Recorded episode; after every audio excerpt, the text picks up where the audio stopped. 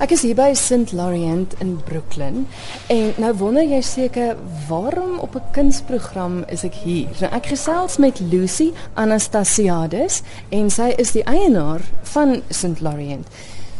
Die rede hoekom ek en jy gesels is, ja, jy verkoop rokke. Ons sit nou tussen hierdie pragtige rokke, maar jy het ook 'n galery. Um, yes, we do have a gallery as well. The fashion side has been going for about 34 years. We, um, we were established in 1979 um, in, in, in, the Sanlam Centre, Middlestadt. Uh, six years ago, we decided to build this uh, our own standalone building, which became our flagship. I have always been interested in art, and uh, although I came from I come from a literature background, and um, I just decided that I'll have a fashion and art gallery. Both are creative uh, uh, industries, and uh, the fashion always borrows from the artist, and the artist always borrow from the fashion. So um, fashion is everywhere. It's in the air, as uh, uh, Coco Chanel says. It's everywhere, and art is everywhere. We just have to observe and have a look. And uh, so I thought that fashion and art do uh, do very well in a marriage. Mm. Moet eers sê dis 'n baie pragtige gebou, maar soos wat mense opstap boontoe, oral by die trappe is daar pragtige kunswerke. Hoe gereeld het jy 'n uh, uitstalling wat open? Okay, uh, ons het um, so elke 6 weke uh, uitstallings. Uh, we work on uh, most of the times we work on a theme. Our previous exhibition was the uh, inspiration that some artists inspired got inspired from the um, impressionists the current exhibition is the rooftop, which you had the pleasure of seeing. That is an annual event where we get sculptors and uh, they do um, large outdoor sculptures. And that's become an annual event. So we do have rooftop every year at St. Lorient Fashion and Art Gallery. Any uitstalling wat wat gaan kom wat volg? The the one that's coming on the 22nd of September, it's one that's very close to my heart. I love surrealism and it's a synthesis between fashion and surrealism. Uh, the title is uh, Surre- Surreal Synthesis. It's going to be a very exciting uh, exhibition, very out of the box.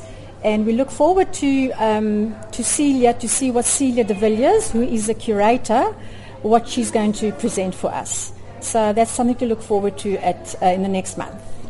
So as mense hier na toe kom, hoef hulle nie noodwendig te kom om 'n rok te kom koop nie, hulle kan kom vir die kuns. Absolutely. That was my whole idea. I wanted to make the art not to be just a white cube. I wanted to make it more accessible to the public.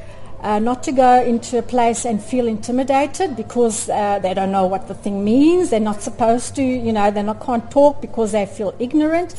I wanted to bring that relationship um, between the, the, the viewer and the art a little bit closer and not to be scared to voice an opinion uh, about the art. And it just gives uh, uh, it's like a tunnel. The fashion is used like a tunnel into the art and vice versa. If you come to the art you pass the fashion. So uh, I've created that fusion of fashion and art to make people more aware of the art um, and not to be scared. And it's between it's in between the fashion, uh, the, the clothing, the designer clothing, which we do manufacture as well. We got a design studio, and uh, yes, it's also something that the dads, when they get bored, or the moms, or the grannies, we say, well, just have a look at the gallery, you never know. And uh, I also found um, another idea that uh, also I give to the brides is that uh, as a part of the gift registry, they can just say what they would like in the gallery. They would like this painting, and somebody can always come and view it and buy to them as a gift. I think a painting is just such a fantastic gift to give to a bride. Uh, I just give paintings, that's uh, or sculptures, and in that way you support the South African uh, artists, which is very important to me. And um, basically, also, which I didn't mention before, was that I like to. Uh, uh, this gallery is to give a platform to up and coming emerging artists that would not uh, necessarily have an opportunity in the more well-known art galleries. Um, I'm, I'm, a young gallery, if you can say six years is young. So that's, that's my whole point of introducing art as part of the fashion scene. Ek gesels nou met Gordon Froud, hy is die kurator van die Rooftop Exhibition hier by St. Lorient. Dis die 5de jaar wat dit aangebied word. Dit's 'n baie interessante storie van hoe dit gebeur het 5 jaar terug. The exhibition came about through um, myself walking to the top of the building to look at the view. Lucy told me what an awesome view. was from the roof. And when I got up there, the first thing I realized it was an awesome space for sculpture. They normally use it for their fashion shows and things like that. So I said, what an awesome space for sculpture. Somebody should do something. And her response was, okay, you do it. and last five years later, here we are. As ons kyk na van jaar, want dit is 'n jaarlikse uitstalling, is daar altyd 'n tema aan verbonde? Um, sometimes we work on materials. One year we worked only in bronze, for example. Another time we work with some kind of a theme or with a concept of some sort. This year it was about juxtaposition. Um, two things that sit slightly uncomfortably next to each other. They're not the opposite of each other, but things that sit uncomfortably next to each other, but become a unit. So we we used the idea of juxtaposition to bring in um, artists who don't work in three dimension to work with artists who do work in. So that was the theme for this year. Is van jou werk ook te. Ek weet een is eh, een van verlede jaar wat ongelooflik mooi geposisioneer is op die dak. Mense sien hom ook as jy aanry na die gebou. Dit is gemaak van hangers, nou plastiekhangers. En die ander een wat deel is van vanjaar is die kegels, net baie groter kegels as die wat ons aan gewoond is. Jy gebruik goeders wat vir ons alledaags is en jy maak kuns daarvan. Hoekom die besluit? Um, for me, it's about um, making a new awareness as to the mundane, the things we see every day and we take for granted, like the big road cones. Um, the fact that they're supersized already is surprising for people, and they, they actually come from the mining industry. But in my use of them, where I use them as a module to build form, almost like a, a child would play with Meccano or Lego, as a way of kind of bringing in that thing. By constructing a large virus out of cones, and placing it on the roof, it gives a very kind of different feel to the notion of a huge virus, which is quite scary, but on the other hand, it's also quite beautiful and, and enticing. So you're drawn towards it, but you're aware that it has a potential danger. And then it, remain, it actually goes into your consciousness to change the way that you look at an object like a road cone. Nog twee van die kunstenaars met wie ek gesels is, Janus Generalis en Sybrand Wiegers.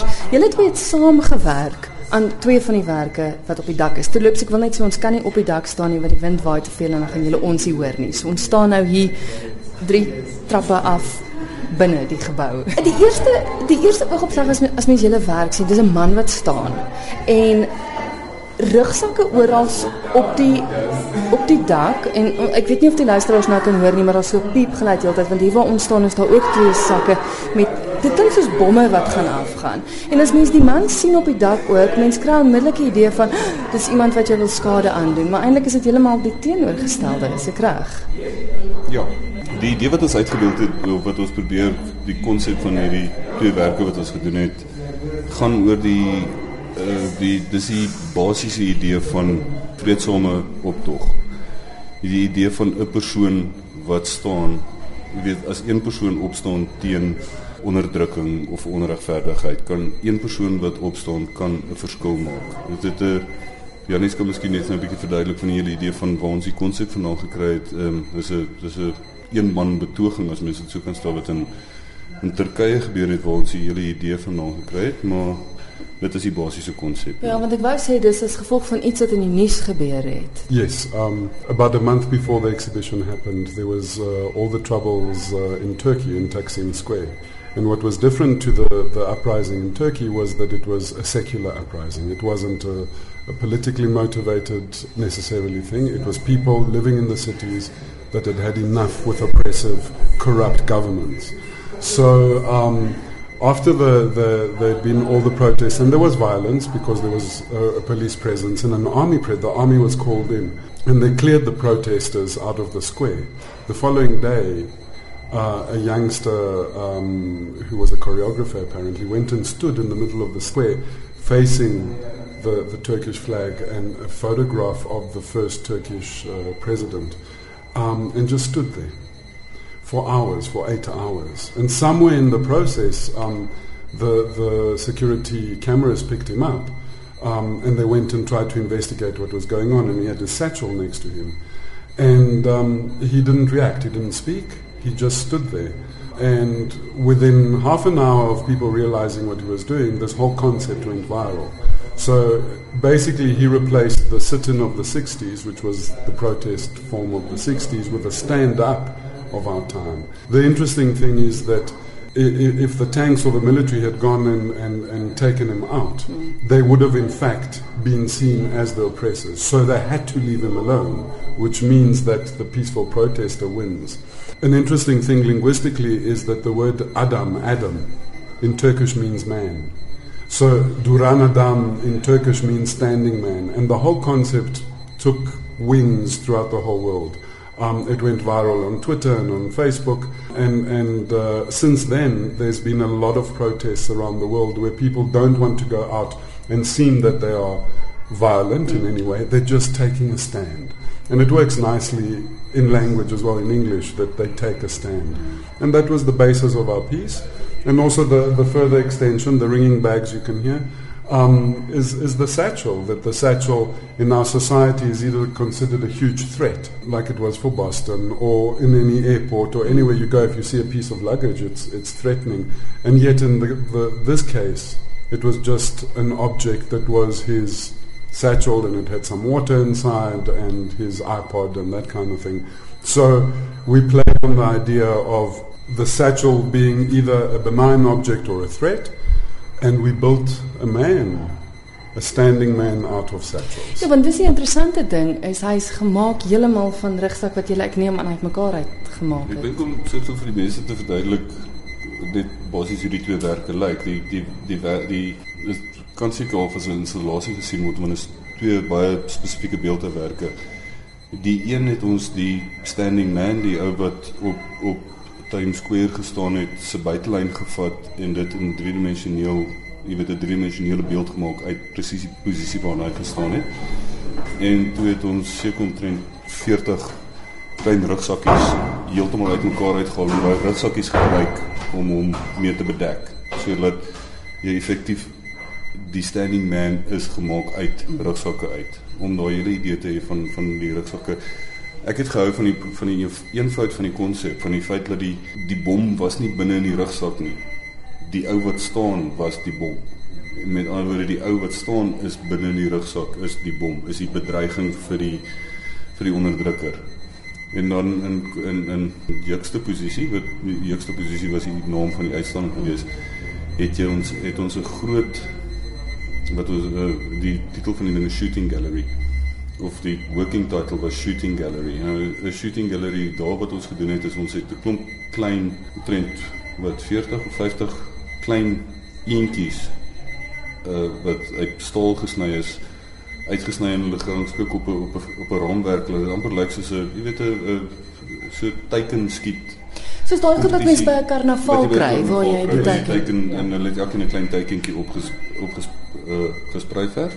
So jy het hierdie idee van 'n klomp klein teikentjies in Engels die sitting ducks. Mm. Jy weet hulle is teikens, hulle sitting ducks, hulle is elkeen van hulle is wat smol. En hulle is dan ook daar's tussenin ook 'n paar klein tanks wat in groen is wat soort van terwyl dat die die sitting duck en die tank is effektief dieselfde size. Jy weet die die die idee van die militêre onderdrukker of die die aggressor en die en die teiken is omtrent dieselfde dieselfde grootte, maar as jy terug staan of as jy 'n lig op die ding kry, en dan sien jy dat die al die eentjies saam maak weer eens die silhouet uit van die standing man.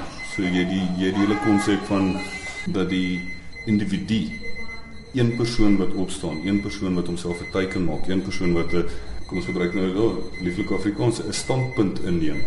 Een persoon wat 'n standpunt inneem is moontlik 'n teken.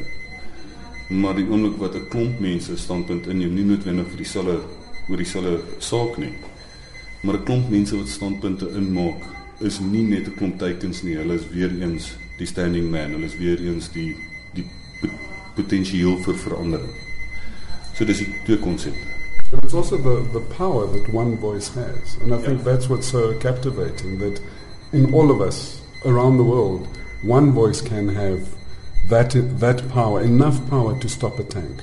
And, and you know, you go back to 1989 when um, the guy in Tiananmen Square stood in front of the tanks. You go to what happened originally in Egypt, not what's happening now, uh, or the Polytechnic uprising in the 70s in Greece, or the uprising in, in Spain in 74 and in Portugal, the, the Carnation Revolution. Mm. It's always one guy or one woman that takes a stand and says enough, but there's no violence. And I think that's what was so interesting for us in a violent world. And, and yeah, that's the concept.